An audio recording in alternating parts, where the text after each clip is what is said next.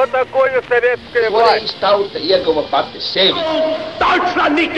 Liktenīgas nejaušības un slēptas likumsakarības, subjektīvas patiesības un objektīvi aizspriedumi.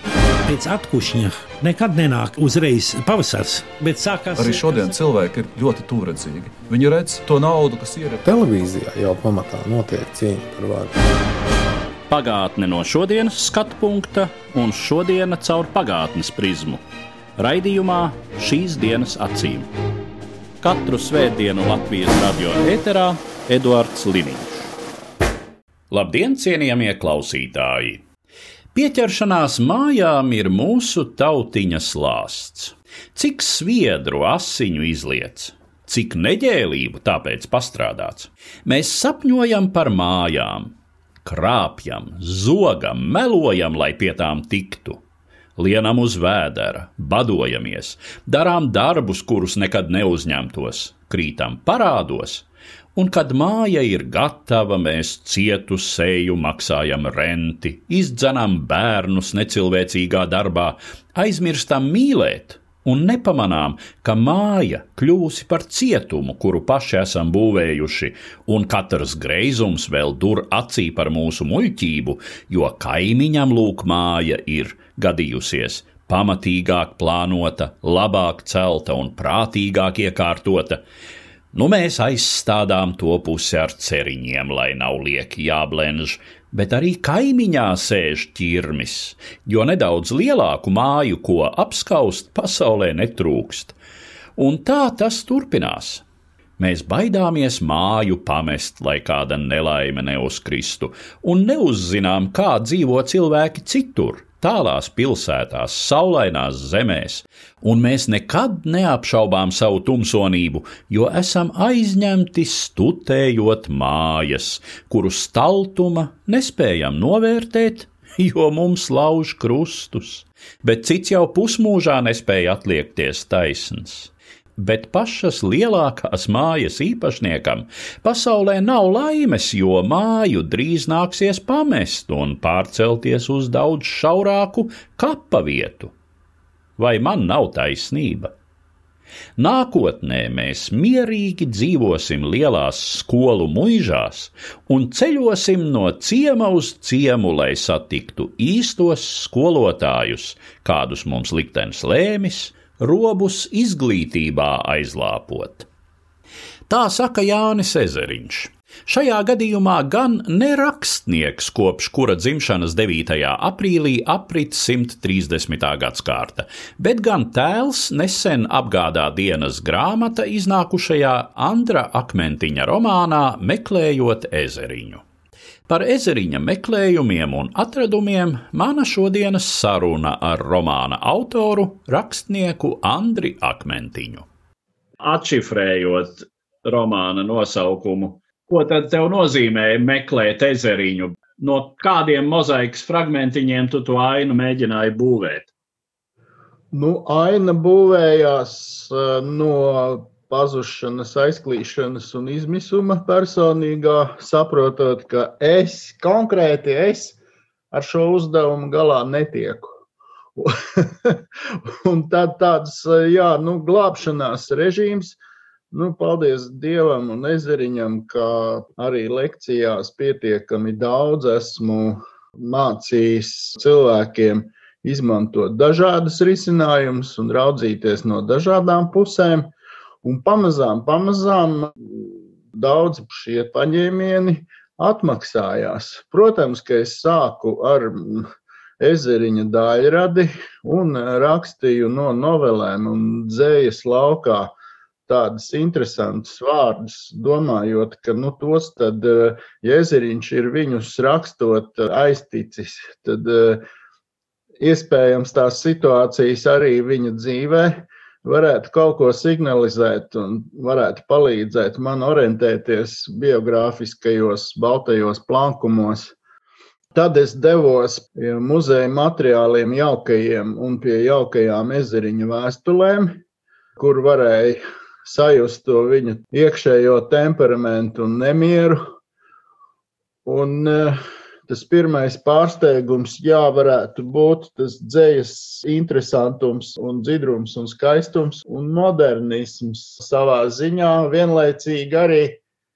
Nu, viņš uz tās naža asmens paliek. Viņš it kā ir ļoti novadniecisks, austriņu ietekmē daļēji, un vienlaikus arī tur ir tādas klāva nianses, tāds klāva priekšvēstnesis pat vietām. Un, nu, un tad man ļoti paveicās, ka man bija ar citiem ezeriņa pētniekiem labs dialogs, tāda laba ēpasta apmaiņa.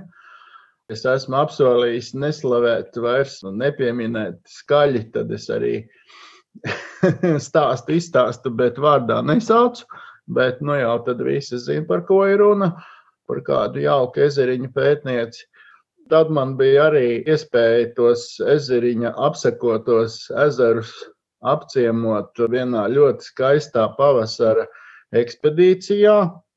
Un tad uh, vēl meklēšanas posmi varētu būt vēl tāds svarīgs posms, ka saprotot, ka datorā nav ideju un uz papīra rakstot, nav ideju, ka nu, jā, diezgan daudz arī tika klaiņots pa kaut kādiem Latvijas ūdeņiem un kaut kādu māju remontētām idejas fiksējot diktafonā, un tā atnāca pat vairāk nekā darot. Un tā meklēšana pielipa, tas nosaukums ir tāds pats beigu risinājums, jo likās, ka tieši tā meklēšana un sava ezeriņa atrašana – nu, beig, beigās tas meklēšanas process pats par sevi ir ļoti interesants. Arī dzen, no viedokļa, kas aktuāls bija ezeriņa laikā un kas mūsu laikā, un kā tolaik dalījās šīs divas nometnes, teiksim, progresīvā un konservatīvā, un kādas tur spēles notika. Nu, par to visu arī radās šī grāmata. Cik lielā mērā Tev izdevās iet kādas eh, ezeriņa takas, gan eh, tīri fiziski apmeklējot tās vietas, kurās viņš ir dzīvojis, staigājis un bijis. Cik jums ir eh, tādu geogrāfisku paralēļu jūsu abu biogrāfijās? Ļoti tuvu mums sakrīt Valmieras posms, Valmieras skolotāja seminārā, kas manā bērnībā bija Valmieras 11 varoņu komjauniešu vidusskolu, tad Valmieras posms mums sakrīt precīzi. Sakrīt mums kaut kāds vidzemnieku, vidzemnieku kautrīgi lecīgais funktieris, mums varētu teikt, sakrīt. Un arī dzen, pakāpeniski pārēja no dzējas uz prózu mums sakrīt. Un kaut ko es varbūt arī no savas puses tur pielieku klāt, jo tās līdzības es izjūtu. Es gan izjūtu arī atšķirības. Jo, nu, labi, es esmu drusku vecāks rakstot šo darbu, bet es pilnīgi saprotu, kā tas ir pēkšņi, kad dzēja paliek tāda asketiski kaut kur noslēgta, bet pēkšņi emocijas labāk atklājas īsprozā man tāds posms ir bijis. Nebija tik liela, tik daudz noņēmēju, nebija tik liela liktenis tā pedāļa, lai es tik traki aizvirzītos novelēs, jā, manā mūžā. Bet ezeriņam tas notika, un ja mēs viņu šobrīd saucam par mūsu izcilo novelistu, tad uh, Es jau mēģinu darbā uzsvērt, ka viņš tomēr sirdī palika dzinieks. Viņš domāja, kā dzinieks. no dzēnieka dzēnieku nevar izravēt. Tā, nu, tas liktenis bija lēmis, ka līdz romānistam ezeriņš vienkārši nenodzīvoja. Viņš īstenībā nepaspēja. Viņš būtu ļoti labi, jo garās noveles ir jaudīgas, tur nav spriedzes zudumi. Piča uzmetumos varbūt ir redzams tāds. Es izvirzu tādu hipotēzi, ka tie piča uzmetumi ir tādi pār laboti. Tādā sliktā nozīmē pāri. Nu, ka, ka, Pārslīpēti, jā? Jā, jā lieku. Pārslīpēts tāds teksts, kurš sāk kļūt par etnogrāfisku kaut kādu vienību jau, ka viņš acīm redzot ir jutis, ka tas, kas ir uz papīra īsti neatbilst iecerēju, un tad katrs teikums, nu tad tagad saņemoties un piesēžoties pie romāna, mēs atkal šo ievadu pārslīpējam. Un tur ir gan pārslīpēšana, gan pārpārslīpēšana. Bet tā ir intuitīva hipotēze. Atšķirībā no zinātniekiem, es kā rakstnieks varu atļauties tādas emocionālas hipotēzes izvirzīt un aprakstīt. Klausītājam droši vien nav zināms, kas ir pitčs. Jā, Jā pitčs kublinieks ir viņa ideja Tad, kad Jānis Ezeriņš darbojās brīvās zemes literārajā nodaļā, kuras, starp citu, vienbrīd arī saucās literatūra un māksla, kaut kur dzirdēts nosaukums, vai ne? Jā. Tad uh, brīvās zeme arī kādu brīdi publicēja Tilu Pūces pieģēlu turpinājumos. Un uh, ezeriņam jau arī līdz tam ir raksturīgi meklējot ezeriņu, meklējot sevi, izlaist caur savu filtru ļoti plašu literatūras loku. Būtībā visu, kas tobrīd arī bija jauks un labs, viņš caur sevi izfiltrēja. Un ar šo tilu puces pieģeli viņš patiesi aizrāvās. Jau tajā brīdī, es domāju, viņam sākās tā ideja un kaut kur nogulās. Un tad viņš pamazām sāka krāt tā kā materiāls un tam sapnim tuvoties. Un viss spilgtāk pēdas no piča kublinieka ir palikušas vēstulēs Valdesam, kurš letes šefs, Rihards Vērziņš, īstā vārdā Valdes iesauku Ezeriņš izdomāja. Nu, šajās vēstulēs tiek diņģēta no letes nauda, apelējot pie tā, cik šis romāns būs pilnīgi ģeniāls. Un kaut kādus trīs gadus kaut ko viņš arī ik pa brīdim dabū, bet, protams, ne tik daudz, cik viņš prasīja ko es esmu diezgan grāmatā arī apspēlējis. Valdes aizskrien pie Antonijas ezeriņa sievas pēc Jāņa nāves meklēt, kur tad ir tas romāns, ar ko viņš ir barots trīs gadus un neatrod.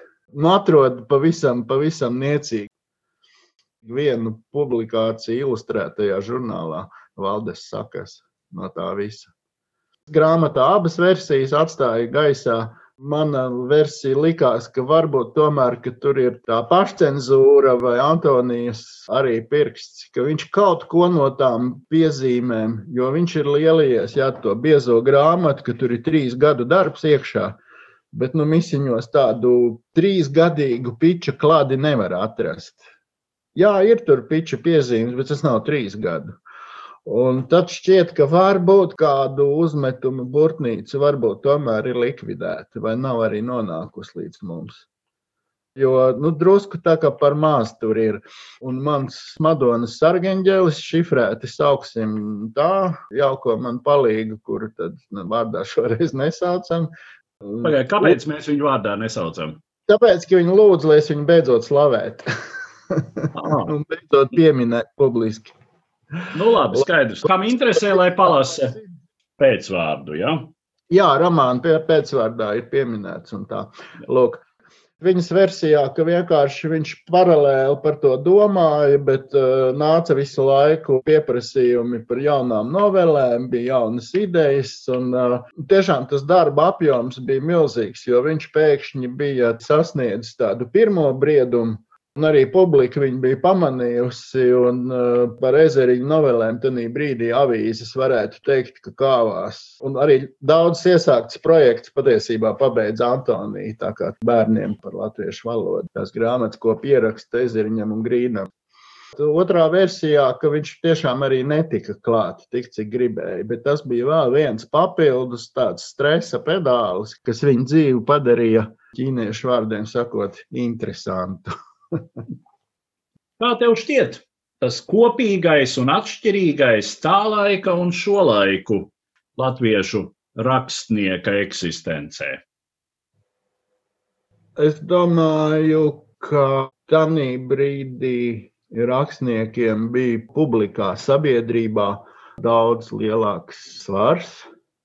Tie lauku lasījumi, ka paši rakstnieki veidoja šos ceļojumus un tos pasākumus, kur uh, Daži no viņiem ir palikuši ļoti sīki aprakstīti. Tik sīki, ka es tikai īsā rindkopā atsaucos uz vēsturisko rakstnieku uzlidojumu Barkavā, kur Austriņš izsoļoja cauri skatuves dibenplānam.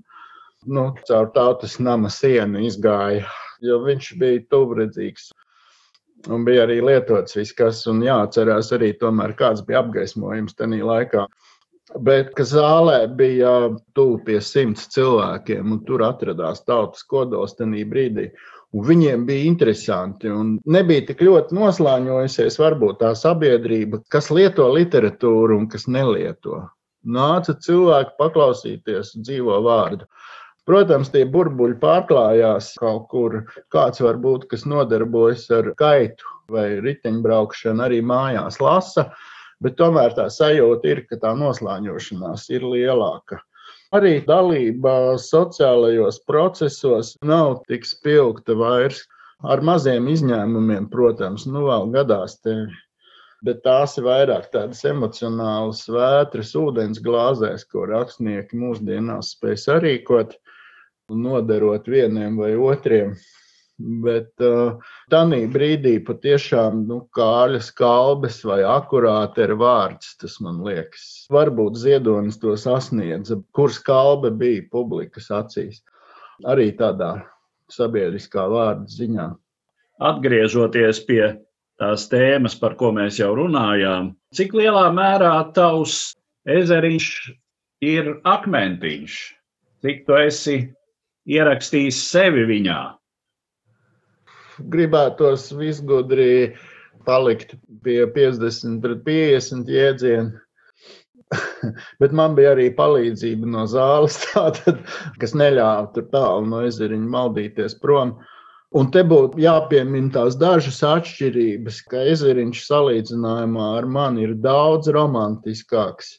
Ezeriņam dabā ir centieni, nu, ka pilnai laimē noteikti vajag savilkt eh, lielu rakstnieku pulku kopā, un tad būs, tad būs jautrība.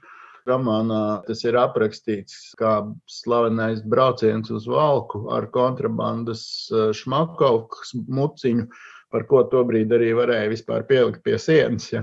Nu, var sakot, es neesmu vairs, un kādreiz varbūt pašos pirmsākumos uz tādiem masu rakstnieku pasākumiem, nu, ka īstā laime būs, ka visi kopā sanāks un tad tikai viss notiks. Ja. Un... Nu, mēs ar tevi kādos pāris tādos saviesīgos jau esam piedalījušies, ka tiešām bija vairāki desmiti eh, rakstnieku un dzēnieku vienvietā. Jā, un tā ir tā īstā, ja tu sāc rakstīt romānu, tad romāns tur daudz nepalīdz. Tu ienāc tajā ritmā un tu laid šādus pasākumus garām vienkārši. Nu, es arī tā arī paliku jums parādā tos 50 gadus vienu pasākumu. Otra atšķirība ir, nu jā, tādā romantismā ne tikai par rakstnieku pasākumiem, bet, ja romāna sākumā parādās tāds teikums, ka viņš pajūgā virzās, uz Lasdonas skolu kopā ar visu pasauli no romantismu uz realismu. Un Ezeriņš ļoti jauki nesasniedz nevienu, ne, nu, viņš neaizbrauc prom līdz galam no tā romantisma. Turpat tās po intonācijas, Hofmana intonācijas, un tas viss viņā paliek dzīves. Un arī tas realisms, ka upīts viņa beidzot kādā brīdī tā kā mazliet paslavē, cik nupīts to spēja ka nu, tagad sācis ir kaut kā vairāk ieklausīties cilvēkos, ezeriņš un rakstīt kaut ko realismam tuvāk. Un tā iešana pie cilvēkiem. Man ir savs kapu svētku rituāls, kur es ceru uz ikgadējo citātu, ko ierakstīt kapu svētku grāmatā. Jā, tā es eju, bet uh, man tur ir vairāk klātbūtnes. Nu, tā, ka tīšām iet uz krogu un iedzert ar nejaušu cilvēku un lasīt viņam noveli, es nespēju iedomāties, ka es tā darītu. Bet ezeriņš to darīja. Ezeriņš bija daudzkārt noslēgtāks par mani, manuprāt, bet arī daudzkārt atvērtāks. Es tāds neitrālāks kaut kur varbūt esmu kļuvis. Trauksmē no jaunības, paldies, ka atgādināji man. Mm. Bet par to dzējinieku te laikam jāpiebilst, ka Jānis to savu dzējoļu grāmatu viņš tā arī nepiedzīvoja, vai arī, var teikt, piedzīvoja pēc nāves. Un visu laiku bija sajūta, ka viņam taču būs un vairākas. Un tā tas tomēr arī nerealizējās. No tāda viedokļa tā lielā atšķirība ir, ka es pēkšņi, tagad es pēkšņi apsēžos pavasarī, nobraucis tur kārtējos 30 km ar riču, ka es saprotu, ka es esmu lutināts ar to, ka es esmu nu, fantastiski realizējies tomēr ne visus dzīves posmus man tā patiešām likās, bet man tā ir gan dzējoļu grāmatas, gan divi romāni, gan trīs dēli. Un arī tāda, jā, jā, Jānim nabaga sāpe, viņš ir ļoti sapņoja par to dēlu, ka viņam būs. Un tas citāts, ka piedzimsta meita, ko meita metiet ezerā, ja? Un pēc tam, vai, vai, vai, ai, nē, tas laikam bija drusku pa skarbu joks. Un tas ir autentiski Jānim. Un jā, nu, nerealizētā dzējoļa grāmata. Un vienlaicīgi iedomājies tā vēstule Zefertam slavenā, kur Zefertam vajag noveli priekš izlases franču valodā. Nu, un tagad labākais latviešu novelists viņam atbild, nu, nu kādu brīdi jau es esmu niekojies ar dzēju dzīvē un drusku par skolotāju strādājis. Nu, nu, tā lejera, kas jau it kā ir diezgan laba grāmata, bet, nu, lai frančiem, smalkajiem noveles, tā teikt, eh, pirmatklājējiem, smalkajiem stilistiem, frančiem dotu priekšā vienu, Nu, nē, nu, nē, tik labi es vēl nerakstu. Ko vajadzēja Zēvertam padomāt šo vēstuli saņemot? Mūsu laikā jau tas skrietu 20 cilvēka novelēm. Un tad brīdī jau vispār avīšu formāts, manuprāt, tās noveles arī bija populāras, taču visi viņas mēģināja rakstīt kādu brīdi, vai ne? Nu, tas arī liecina, ka, ja ezeriņš mums ir palicis, ka tāds noveļu tīradnis, tad tas kaut ko nozīmē. Tu pats no viņa kaut ko šai procesā mācījies amata ziņā? Jā, pat ļoti daudz. Es tagad rakstu tādu rakstu punktu, un arī nākamais zūms man būs ar salaspils bibliotekāriem, un tas diezgan sakritīs. Es definēju to tādā veidā, ka galvenais, kāpēc vispār ezeriņš mūsdienās varētu būt aktuāls un šī grāmata un viņa novēles, kāpēc viņas joprojām ir interesantas, tie ir ezeriņa rakstības paņēmieni, kuri darbojas vēl aizvien, un uh, viņus izmantojot, tas ir tas, ko es mēģināju darīt būtībā grāmatā. Var tīri sekmīgu literatūru uzrakstīt, un šī doma nav baigi svaiga. Viņa ik pa brīdim parādās.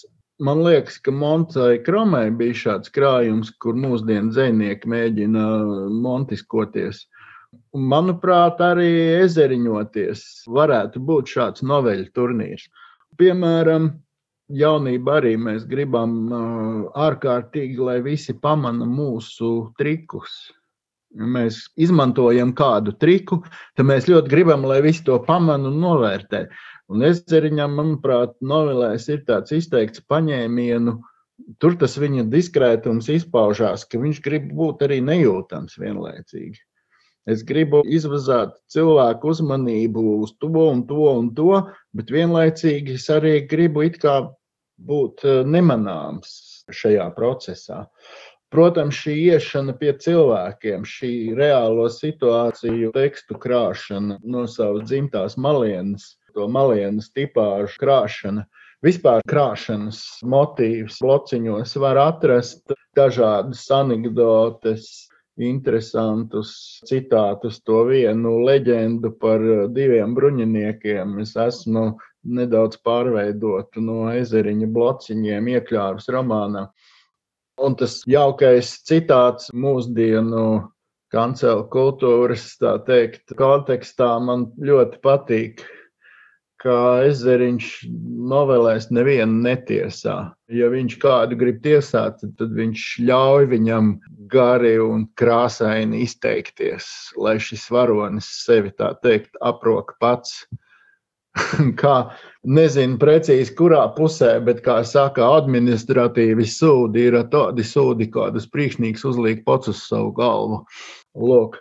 Un te man jāpiebilst, ka šis citāts šajā izloksnē, ko es pieminēju, man liek pateikt, jā, ka par spīti divu gadu projektam es sajūtu to laika trūkumu, ka varēja būt vēl gads Bet tā ir tā problēma. Ja var jau būt, ka šī arī bija labāk.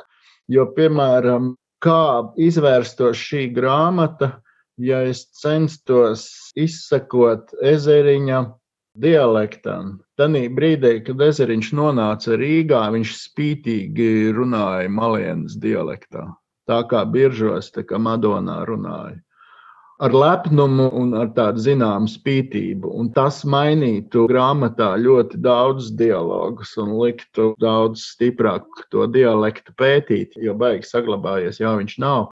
Un arī dzan, varbūt, ka mūsdienu lasītājs nogurtu. Tad tas bija tāds lēmums. Šajā virzienā tā baigi dziļi nelīst. Savukārt, redz, Madonā atgriezies tanī pusē. Ezeriņš ļoti lepojās ar savu pasta adresi Madona paskasta numur viens, un tur viņš atkal runāja latviešu literārajā valodā. Pretrun cilvēks. Un man tā atslēga, kad es sāku saprast ezeriņu, bija Tanī brīdī, kad nevis tu atrodi vienu īpašību, un ah, tu saproti, ezeriņš ir šāds. Tas ar ezeriņu nestrādā tik eh, vienkārši princips. Ezeriņam vienmēr jāmeklē īpašību pāris, divi pretstati, un tad var izsekot, kā viņš starp šiem diviem pretstatiem ir jauki nošūpojies. Un tā ir tā mana atslēga, kā es viņam piegāju, ka tādā ziņā viņš ir pastāvīgi jāmeklē. nu, kur tas nosaukums arī sasaucās ar to. Jā. Viņš ir jāmeklē kustībā starp diviem pretstatiem, starp skaidrību un reibumu, starp globālo Eiropas ideju un absolūtu provinciālā pārākuma aprobežotību. Viņā ir abi ļoti skaisti apvienojas, un tas ir tas ezeriņa smēķis pat varbūt ka, ja tu pieņemsi to vienu nodaļu, vairāk to vienu pusi, to vienu skaldni tikai, tad uh, noteikti atradīsi pierakstus, materiālus kādā muzejā, kur izlīdīs āžu kāju laukā. Nē, nē, nē, nē, nē, ir pilnīgi pretēji. Jā, jā, ir arī pretēji. Mūsdienās tāda rakstura vēl ir. Es ceru, ka kaut kur ir. Man ir dzējols, ko es gribu atskaņot. Tas ir bērniem. Es ar lielu kaifu jau dzējas dienās bērniem lasīju. Un e, te var just to ezeriņa novelista, to dramatizēšanas mākslu mazliet. Tas mans tāds mīļākais. Viņam ir kādi patsmit labu bērnu dzējoļu un viss. Varbūt arī vairāk nevajag. Tā tad kāzu mēnesis. Tas ir tas rudens mēnesis, kad malienā aug sēnes un silā uz rudās tekas tup bērzlapes un bekas un pēkšņi caur vaivara zaru redz vīru trīs pēdas garu, trīs pēdas garu kā spoku, divi kājas, divi roku. Ai, iekliedzas bekains, trīs rīti, es mīlu jau bērzlapīti, es gribu viņu precēt, bet nevar ne soļa tecēt, bet nevar tikt ne no vietas, un tās ir tik trakas lietas, jo tārpiņa meita kā likta lien virsū man bezgala pikta. Hmm. Šai lietā esi bez bēdu, teica milzis triju pēdu. Tik saki, beku papa, kur aug tev tā bērza lapa? Tur mīļais uz ciņa, tā rozā. Nu, nākat tad abi grozā. Tas ir tas rudens mēnesis, kad malienā aug sēnes. Redzi, no vienas puses mīlētāji satikās, no otras puses viņiem nogrieza galvas, taču vai ne? Jā. Tā tad lūk, sanāk bērnu dzējolis. Arī skaistā divdabība. Līdz ar to izskan mūsu saruna ar rakstnieku Andri Akmentiņu par Jāni Ezeriņu latviešu noveles lielmeistaru, kopš kura dzimšanas 9. aprīlī atzīmēsim 130. gadsimtu, un tēlu nesen iznākušajā Andra romānā Meklējot ezeriņu. Uz redzēšanos, cienījamie klausītāji! Katru svētdienu Latvijas radio viens par pagātni sarunājas Eduards Līniņš.